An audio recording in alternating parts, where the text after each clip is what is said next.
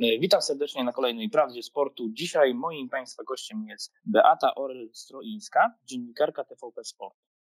Dzień dobry. Witam Panią. Y, pytanie. Dziennikarka sportowa, telewizyjna, kobiet jest bardzo mało w tej jakby mm, w tym dziennikarstwie sportowym takim typowo telewizyjnym. Jak się to stało, że Pani się tam znalazła? No, podejrzewam, że większość opowiadając, większość ludzi opowiadając o swojej przygodzie zawodowej jakiejkolwiek często mówi, że o tym zdecydował przypadek. Często też sportowcy mhm. tak mówią. A w moim przypadku właśnie to nie był przypadek. E, bo ja już za młodych lat e, miałam bardzo dużo wspólnego ze sportem i myślę, że od początku byłam świadoma tego, że wybitnym sportowcem nie zostanę. Chociaż no, bardzo o tym marzył mój tata, który marzył o tym, żeby mieć olimpijczyka w domu. No i po części spełniło się jego marzenie, ale troszkę pewnie inaczej sobie to wyobrażał. E, tak więc no, bardzo usportowiona rodzina. E, mój tata był zapaśnikiem, moja siostra grała w tenisa stołowego. Ja pogrywałam w koszykówkę, głównie była to akademicka drużyna, bo na tym takim profesjonalnym poziomie byłam po prostu za słaba, żeby cokolwiek osiągnąć, ale na pewno była to moja wielka pasja, przygoda i coś, co nauczyło mnie bardzo wiele, bo uważam, że sport y, jest y, no, czymś chyba no, niepowtarzalnym i nie do zastąpienia, jeśli chodzi o naukę życia. E, no ale zawsze gdzieś tam w głowie mm, śniło mi się, że no, jeśli nie ten sport na parkiecie czy też na boisku, no to może gdzieś indziej, w innej roli.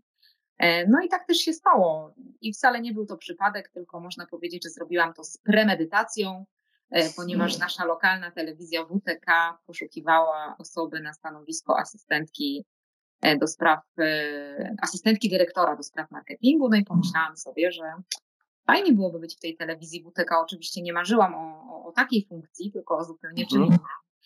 No, a ponieważ e, do redakcji sportowej było już wtedy bliżej, no to postanowiłam właśnie ubiegać się o tę pracę i tak naprawdę nie minęło kilka tygodni, a już byłam za ścianą i robiłam zupełnie co innego. Także marzyłam przez długi czas, długo w ogóle nie robiłam nic w tym, w tym kierunku, bo jestem filologiem z wykształcenia i tak naprawdę filologia e, mnie na tyle pochłonęła, że przez e, kilka lat pracowałam za granicą.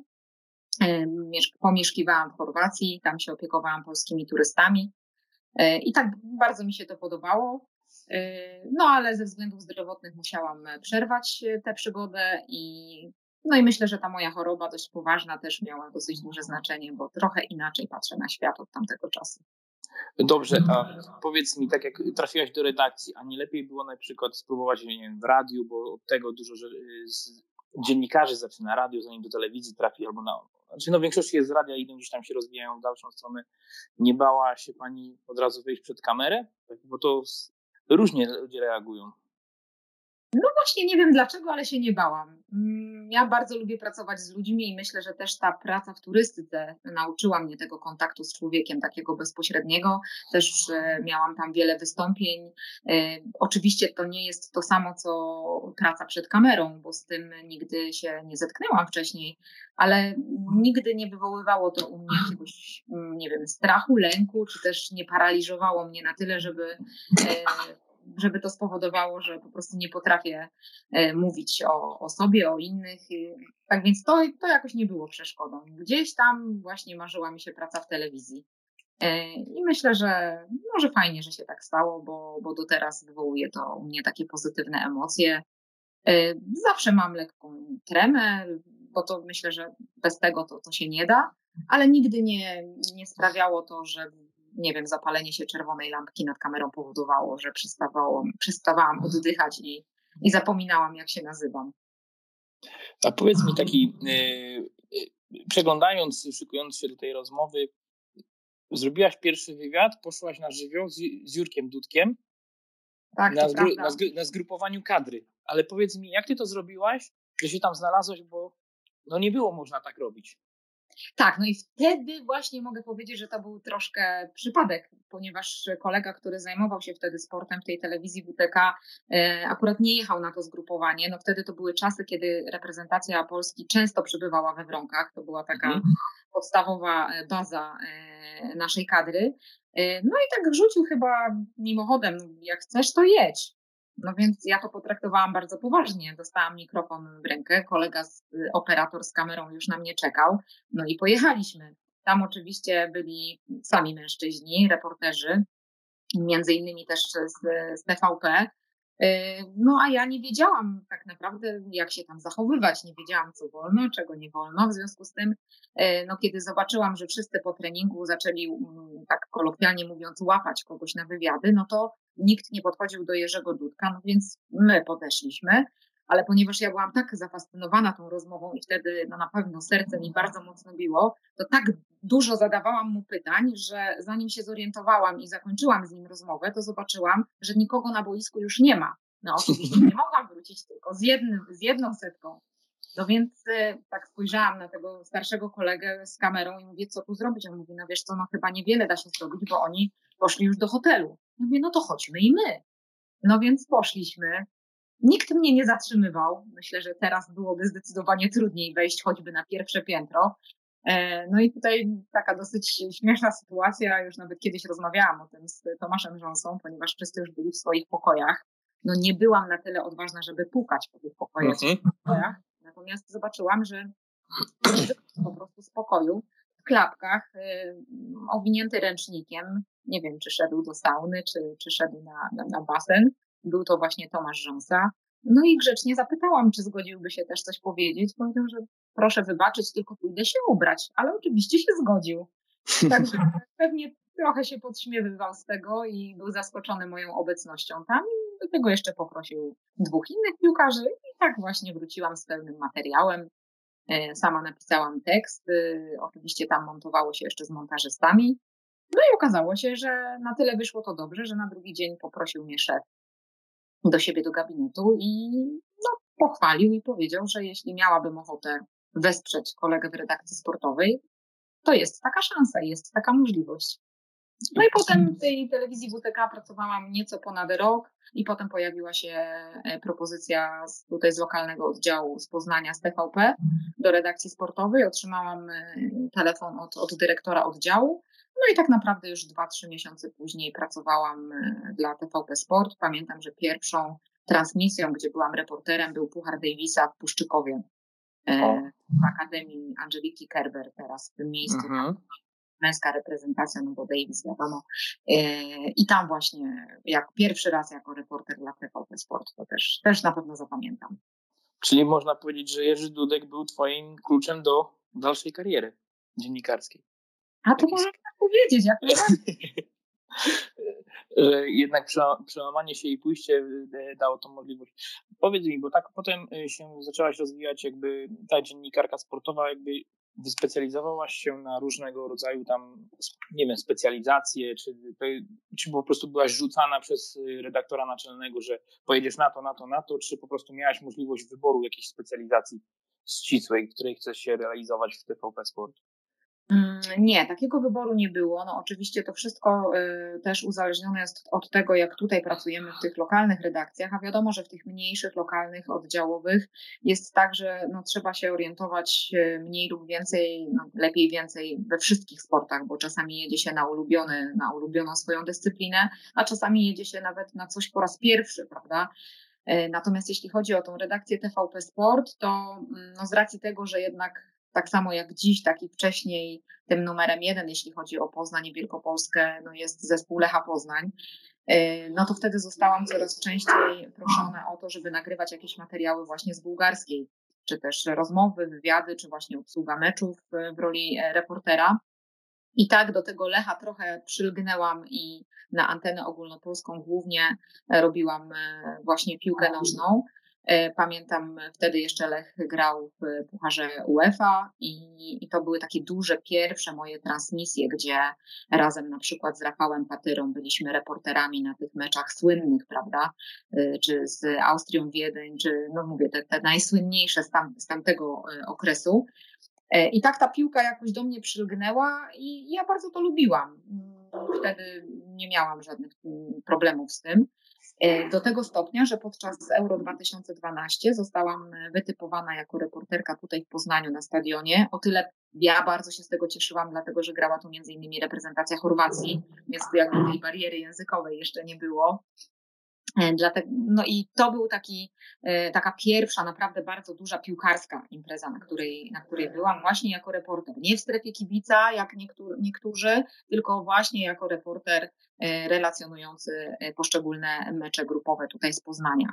Ale potem się to zmieniło. Potem coś mi zaczęło w tej piłce, nie chcę powiedzieć przeszkadzać, ale może dlatego, że bliżej poznawałam inne sporty z racji obecności bardzo często na torze regatowym Malta coraz bliżej było mi do sportów wodnych, do kajakarstwa i wioślarstwa.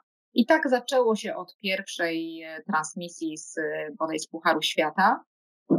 No i na tyle to dobrze wyszło, że przy kolejnych też byłam proszona o, o współpracę, o pomoc. No i teraz tak naprawdę, no to właśnie dzięki temu robię to, co robię i, i myślę, że też dzięki temu byłam na igrzyskach. No właśnie, powiedz mi o tej takiej przygodzie. Przygotowywałaś program Droga do Rio i cały czas jakbyś bywała z zawodniczkami, z, z kadrami tych y, polskiej reprezentacji, która się przygotowywała do Rio.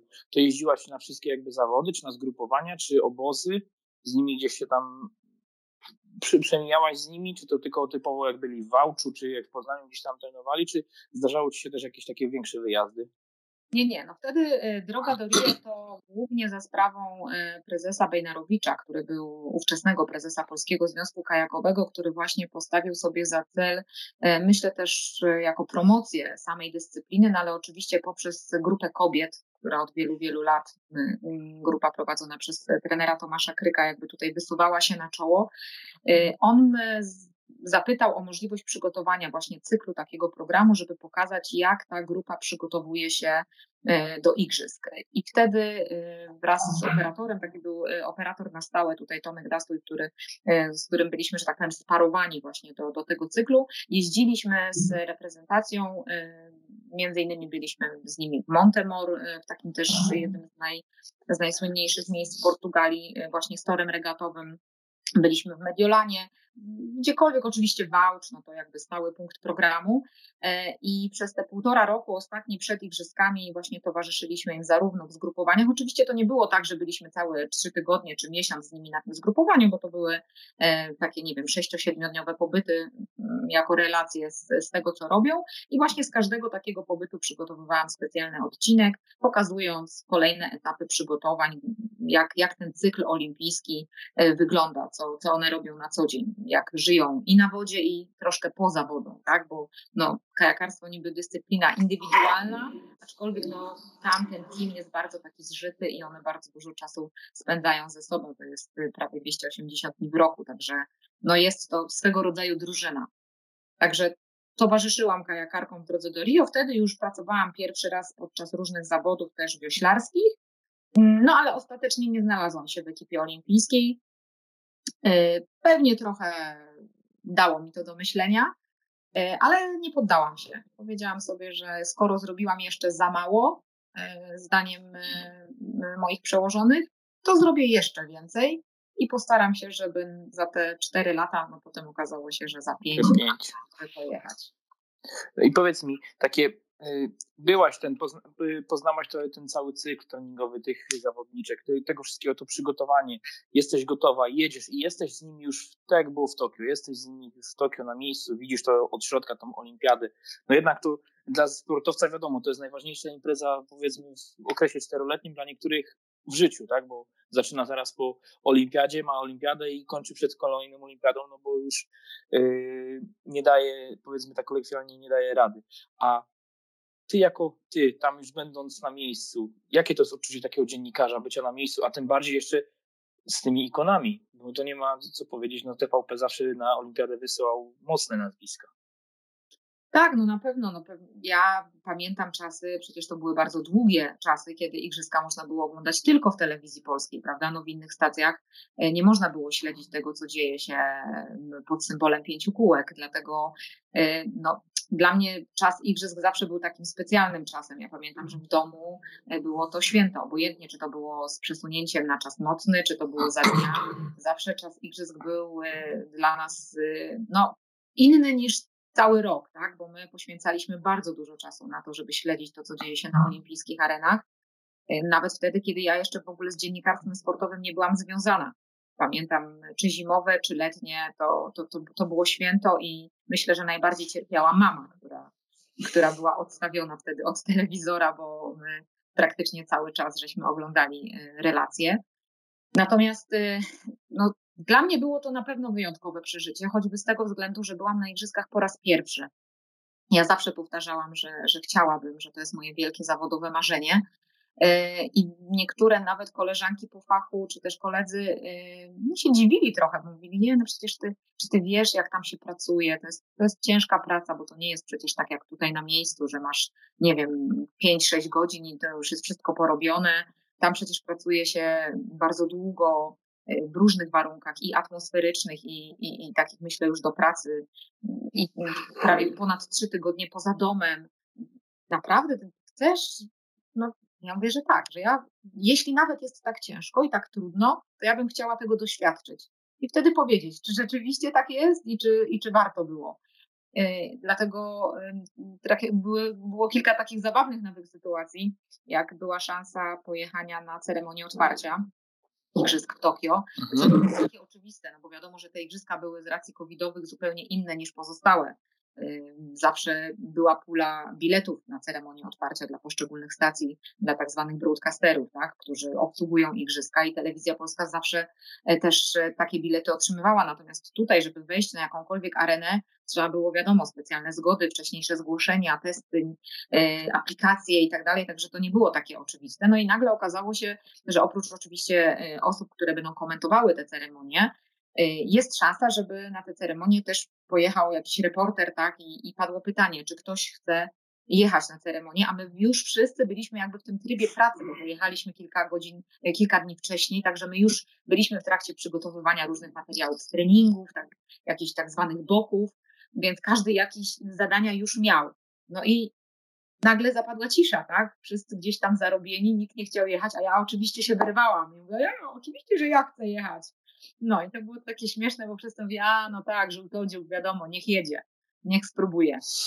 Dla mnie było to przeżycie, którego na pewno nigdy nie zapomnę, bo po prostu, nie wiem, no, to jest symbol, tak? Ten zapalenie znicza olimpijskiego to dla mnie jest coś, coś, co wywołuje u mnie wielkie emocje i pierwszy raz w życiu towarzyszyłam temu na żywo, więc y, no, to też było jedno z marzeń, które, które zawsze chciałam spełnić. A powiedz mi, będąc na miejscu, wywiad z, z mistrzem olimpijskim. Bo wiadomo, że chodzi o jakąś tam y, reprezentanta naszego kraju. Jest to duma? Chęć rozmowy, czy po prostu chęć cieszenia się z, ze zdobywcą medalu? Ja zawsze mm, traktuję swoich rozmówców, no mistrzów olimpijskich to już w ogóle, dla mnie zawsze to są bohaterowie. Choćby z tego względu, że e, kiedy obserwujesz przez ten czas, prawda, jak oni się przygotowują do, do tego, żeby walczyć o te medale, e, wiemy jaka jest presja na nich nałożona. Nie, nie mówię nie tylko podczas igrzysk, prawda, bo oczywiście taki przeciętny kibic oczekuje medalu. Tak? Kibicowi trudno czasami jest zrozumieć, że ktoś może być zadowolony na przykład z ósmego miejsca, Natomiast mało kto na co dzień widzi drogę tych ludzi właśnie choćby do igrzysk. I ja po pierwsze zawsze byłam ciekawa ludzi i zawsze traktowałam tego swojego rozmówcę jako, jako właśnie gwiazdę tej, tego mojego materiału, tak? Że to on ma być w centrum mhm. uwagi, nie ja. Y, I starałam się zawsze dobrze przygotować, żeby do, do takiej rozmowy, żeby no też właśnie jakoś fajnie tę rozmowę przeprowadzić. Natomiast możliwość rozmawiania ze sportowcem, który właśnie przed dosłownie paroma minutami wywalczył medal olimpijski, to jest coś, to jest coś niezwykłego, bo to są takie emocje. Wiadomo, że y, w sporcie klubowym mamy swoje jakieś sympatie takie miejscowe, prawda? Jak pójdę na mecz y, nie wiem, warte z Legią, tak jak ostatnio e, była możliwość pojechania, no to wiadomo, że z racji tego, że jestem z Poznania, bliżej mi jest do tych zielonych barw niż do tych drugich. Natomiast w momencie, kiedy jest reprezentacja Polski, czy też nasi sportowcy z orzełkiem na piersi, my y, no, mniej już zwracamy uwagę, kto z jakiego miejsca, czy też miasta pochodzi, po prostu kibicujemy biało-czerwonym. I trudno jest, będąc tam na miejscu, e, reprezentacji nie kibicować. Tak? Ja pamiętam, jak zawsze nam powtarzano, na różnych wykładach, y, na, na, na, zajęciach, czy też w rozmowie ze starszymi kolegami po fachu, że tak naprawdę y, no, nam nie wolno jest oceniać, tak, im mniej przymiotników, tym lepiej. To powinno być bardzo obiektywne i z takiego materiału właśnie choćby z meczu, nie wiem, koszykarzy z Poznania z, z koszykarzami z Warszawy, widz nie powinien y, wiedzieć, komu ja kibicuję. Tak? To powinno być na tyle obiektywne, że nie powinna mówić, że niestety ktoś przegrał. No niestety może dla jednych, dla drugich stety. Natomiast w momencie, kiedy jest reprezentacja, trudno się wyzbyć, prawda? No trudno, mm, żebyśmy ukrywali to, że my biało-czerwonym kibicujemy. Dlatego mm, no takie rozmowy, czy z mistrzem olimpijskim, no akurat Niestety żadna ekipa wioślarska ani kajakowa nie, nie, nie wywalczyły złotego medalu w Tokio, e, ale były srebrne medale, e, więc e, no, to jest coś niezwykłego. I to są czasami trudne momenty, bo owszem, czasami ten medal jest tą wielką radością, ale przecież nie zawsze tak jest, prawda? Bo jeśli ktoś jest, y, nie wiem, liderem Pucharu Świata, wygrywa wszystkie wyścigi, jest mistrzem Europy, mistrzem świata i przyjeżdża na igrzyska, na przykład po złoty medal, a zdobywa brązowy,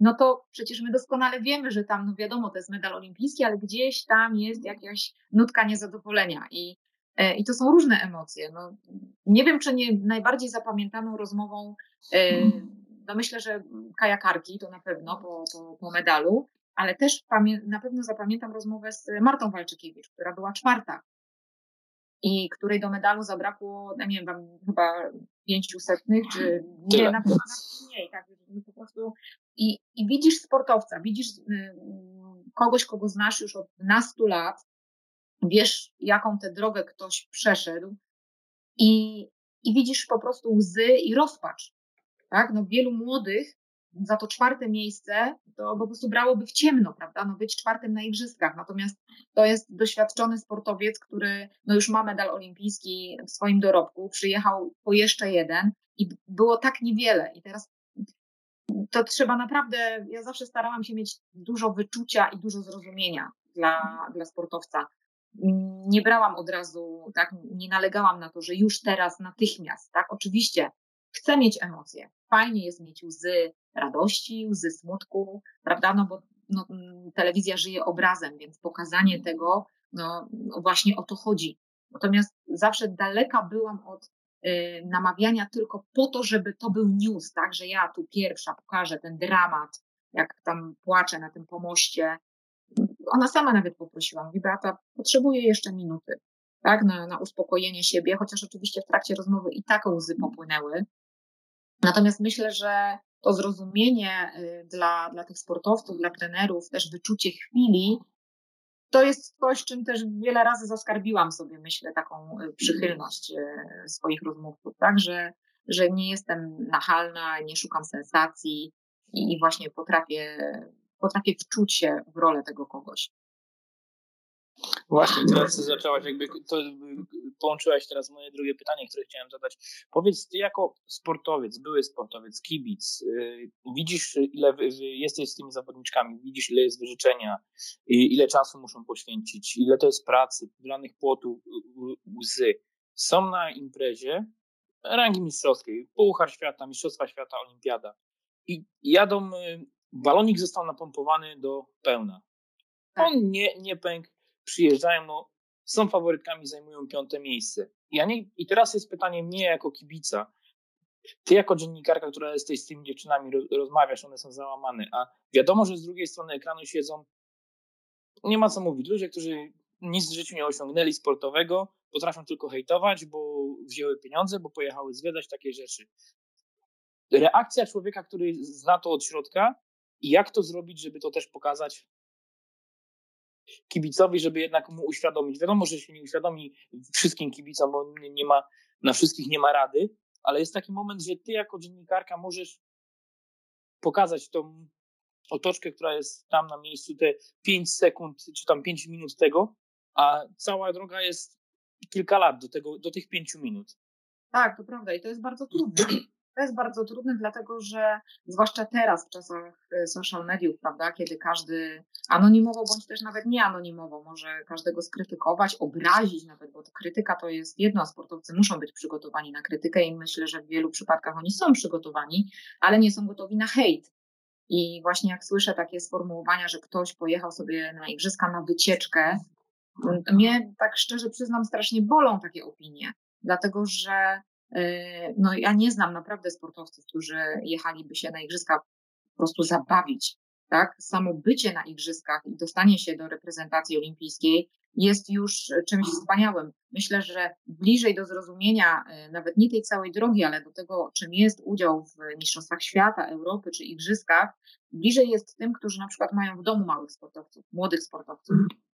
Prawda? To jest wtedy troszkę, troszkę łatwiej, bo widzimy, jak od młodych lat ktoś bardzo chce, ktoś się stara, ktoś pracuje na treningach i nie zawsze wychodzi. I tak bardzo by się chciało, prawda, żeby, żeby te nasze dzieci osiągały sukcesy, a tutaj droga jest niezwykle, niezwykle długa. Wystarczy spojrzeć, nie wiem, no jesteśmy w jakiejś lokalnej społeczności, e, no dobrze, ktoś tam gra, za chwilę ma szansę być na przykład w kadrze wojewódzkiej. No, co to jest kadra wojewódzka, prawda? No, przecież to jest nic. A jednak dla tych młodych ludzi to już jest coś. Co więcej, to jest pierwszy krok, żeby być zauważonym dla, dla tej kadry już narodowej, najpierw w tych młodszych kategoriach. I naprawdę ta droga jest tak długa, i tak zapytałeś właśnie o to, jak, jak to przekazać, jak, jak zrobić, żeby ten kibic, który widzi, że ktoś jest, nie wiem, dziewiąty, dziesiąty, dwudziesty piąty na igrzyskach, tak, żeby sobie nie pomyślał, o no to jest dramat, to jest po prostu jakaś porażka. No i właśnie o to chodzi, żeby, żeby pokazać, że to nie do końca tak jest. Owszem, trudniej, trudniej jest to zrobić w momencie, kiedy mamy, tak jak już wspomniałam, takich mistrzów świata, no i nagle tacy mistrzowie świata, jak na przykład czwórka bez sternika, nie zakwalifikowali się do finału A, czyli do tych najlepszych sześciu osad. Mhm. To trudno jest zrozumieć, prawda? Ale z drugiej strony też należy pokazać, y, że tak naprawdę te mistrzostwa świata, to po pierwsze, no one nie odbyły się tydzień temu, że to nie jest tak, że bycie mistrzem świata to już gwarantuje utrzymanie tej najwyższej formy przez jakiś tam czas, bo, bo to też wiele już od tego czasu minęło, tak? Czasami to się zmienia, nie wiem, zmienia się w ich osadzie, a tak po prostu zwyczajnie cały świat trenuje, tak? Każdy chce zwyciężać. Myślę, że pokazanie sportowca jako człowieka, tak? Bo to nie są maszyny. To, to nie jest tak, że się jedzie i się wygrywa. No, nie znajduję takiego, który by miał na koncie tylko zwycięstwa. Dlatego ja, mnie na przykład bardzo boli hejt na sportowców. Ja, ja się z tym absolutnie nie godzę, bo myślę, że w wielu przypadkach nie potrafimy docenić tego, co, co oni zrobią. Zobacz, jakie jest teraz zrozumienie dla Natalii Maliszewskiej, prawda? No wiadomo, ona spotkał ją dramat y, tam na igrzyskach, ona nie miała na to wpływu, tak? No bo my tu mówimy już o ekstremalnym przypadku, ale jak fajnie jest widzieć, że, że ludzie ją wspierają, tak? Że ona, że nikt nie, nie mówi, no no jednak co, no stanęła na tym lodzie i co, i nawet jak miała szansę pojechania, Także spotkałam się z takimi opiniami w internecie, oczywiście większość anonimowych y, opinii, że w przypadku Natalii Maliszewskiej, nawet gdyby po, y, po, pojechała na te 500 metrów, to pewnie tak samo byłoby jak na tym pozostałych dystansach, że pewnie też nie zdobyłaby medalu, że teraz ma taki, nie wiem, no to, że to jest wymówka, że to wcale przecież no, przygotowywała się przez tak długi czas, że formy nie można stracić w tak krótkim czasie i myślę, że to jest bardzo, bardzo nie fair w stosunku do niej, w ogóle w stosunku do sportowców, ocenianie tylko przez pryzmat medalu, tak? No, medale są trzy, a tych, którzy pojechali tam walczyć jest, jest dużo, dużo więcej, dlatego e, ja staram się zawsze docenić e, wysiłek. I oczywiście no, nie mogę chwalić mistrza świata, który mm, jest na mecie ósmy i nie mogę mówić, że to jest wspaniałe, i, bo przecież wiem po nim samym, widzę, że, że to nie jest coś, o co mu chodziło.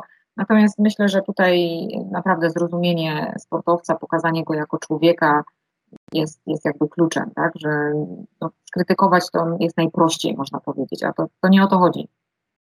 Dokładnie, nie o to chodzi, a tym bardziej, że sporty indywidualne rządzą się innymi prawami niż sporty drużynowe. Tak? Jak najbardziej. Indywidualnych sportowców jest tak, jak mamy przy Kamilu Stochu. Zajmują czwarte miejsce na olimpiadzie, ale po ile zostawił za sobą reprezentantów innych krajów, a nie, że bo patrzą, czy albo Polak powinien być pierwszy, no ale też są Norwegowie, są inni skoczkowie, którzy jakby indywidualnie to troszkę inaczej się mierzy niż występy drużynowe, no chociaż nasze zespoły drużynowe różnie im to idzie. No różnie, różnie, tak. No. Raz, raz lepiej, raz gorzej, ale no mówię, no wiadomo, że biało-czerwonym zawsze kibicujemy, chcielibyśmy, no to, żeby, do samego końca. żeby było jak, na, jak najlepiej. Dokładnie. Y, zmierzając ku końcowi, takie jeszcze y, pytanie. tu mówiliśmy o kajakarkach, o wyślarkach, o gdzieś tam. Powiedz mi, a takim takim y, dziennikarskim marzeniem, wiadomo, że olimpiada jest, stałaś, ale chcesz wziąć mikrofon i stanąć, znaczy mikrofon, nawet zrobić reportaż, nagrać duży wywiad z jakimś sportowcem. Może być to legenda jakaś, może być to aktualny sportowiec. Masz taką osobę? No pewnie, że mam.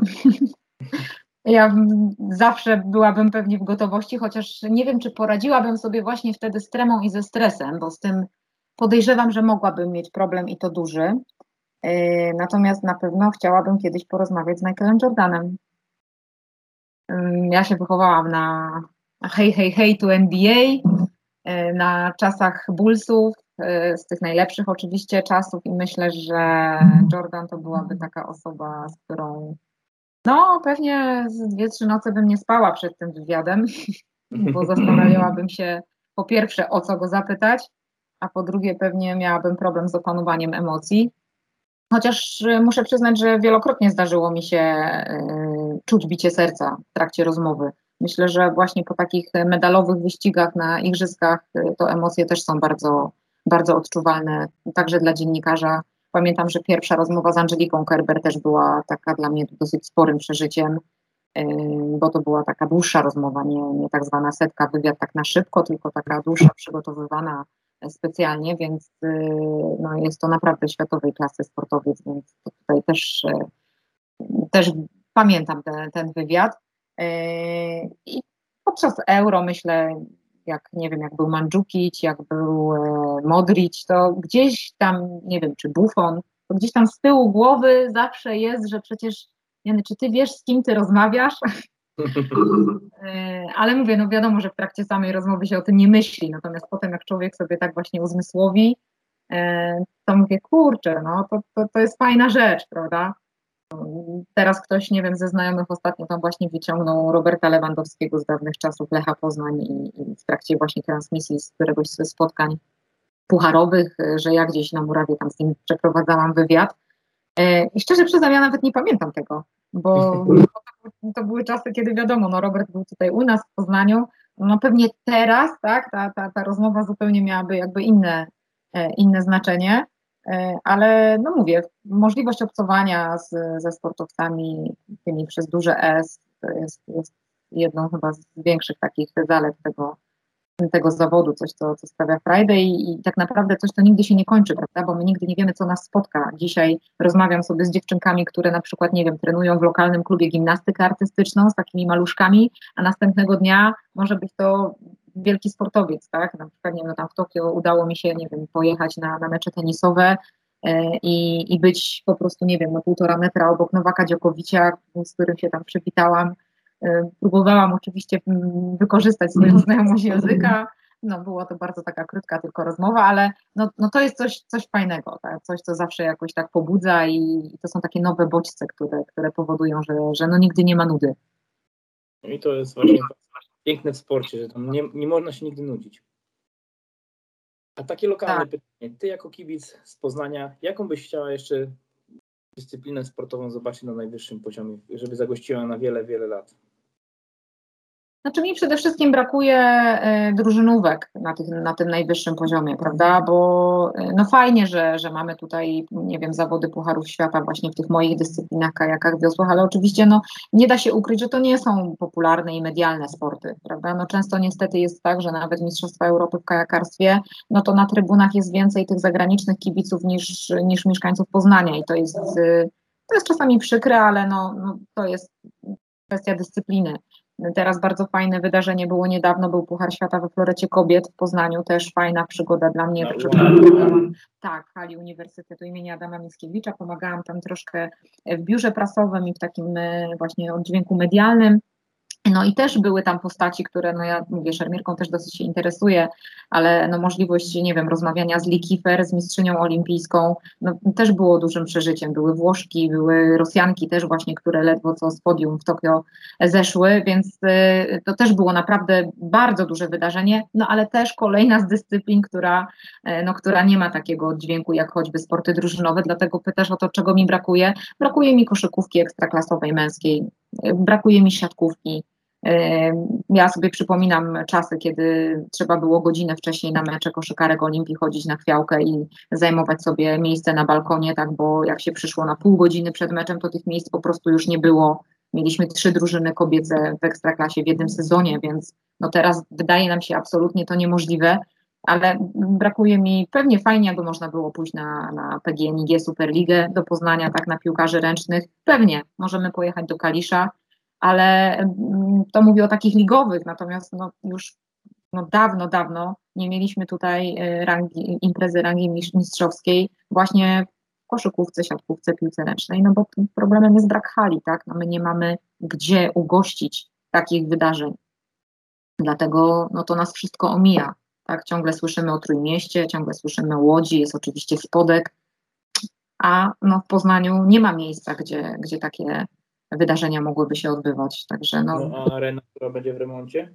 Tak, no arena będzie w remoncie, tylko myślę, że no jeszcze co najmniej półtora, dwa lata, półtora roku, dwa lata pewnie poczekamy na, na to, aż, aż będzie to obiekt gotowy. No i może wtedy rzeczywiście y, będzie szansa na to, żeby to wróciło, bo no, mm, przecież były imprezy czy siatkarskie, czy mecze reprezentacyjne piłkarzy ręcznych w arenie, jeszcze nie wiem, choćby za czasów Bogdana Wenty. Y, I, i to, było, to było coś, tak? To, było, to były duże wydarzenia. Natomiast no teraz jesteśmy w takim momencie, że no po prostu nie mamy gdzie, bo te hale, które tutaj są w naszym mieście są niewystarczające, a co więcej, no, w większości są to hale należące do wyższych uczelni poznańskich, prawda, a nie do miasta, więc myślę, że to jest troszeczkę wstydliwe. Dokładnie. I zmierzając do samego końca, ja Ci osobiście życzę tego wywiadu z Michaelem Jordanem. No, nie dziękuję. Spe spełniło. Y, I no cóż, no, życzę kolejnych sukcesów na tle tym zawodowym. Coraz więcej igrzysk, następnych mistrzostw świata, igrzysk olimpijskich, zimowych, letnich, żeby się to rozwijało. I miejmy nadzieję, że znowu do zobaczenia w, tele w telewizorze. No, bardzo dziękuję za zaproszenie. Było mi bardzo miło. Teraz właśnie szykuję się do kawaliady. Finał wielki w Krakowie, także coś, co też bardzo lubię, jeździectwo E, i wszystko, co się tam dzieje, też naprawdę wydarzenie, którym możemy się chwalić, myślę, na całym świecie i to zarówno w momencie, kiedy odbywa się na NTF w Poznaniu, jak i w Sopocie, w Warszawie, czy też w Krakowie, naprawdę jest to, jest to coś, czego no, możemy być dumni. No tu będziemy śledzić. Na dzisiaj Zachęcam. dziękuję bardzo za uwagę. Dziękuję bardzo i pozdrawiam wszystkich kibiców. Do zobaczenia.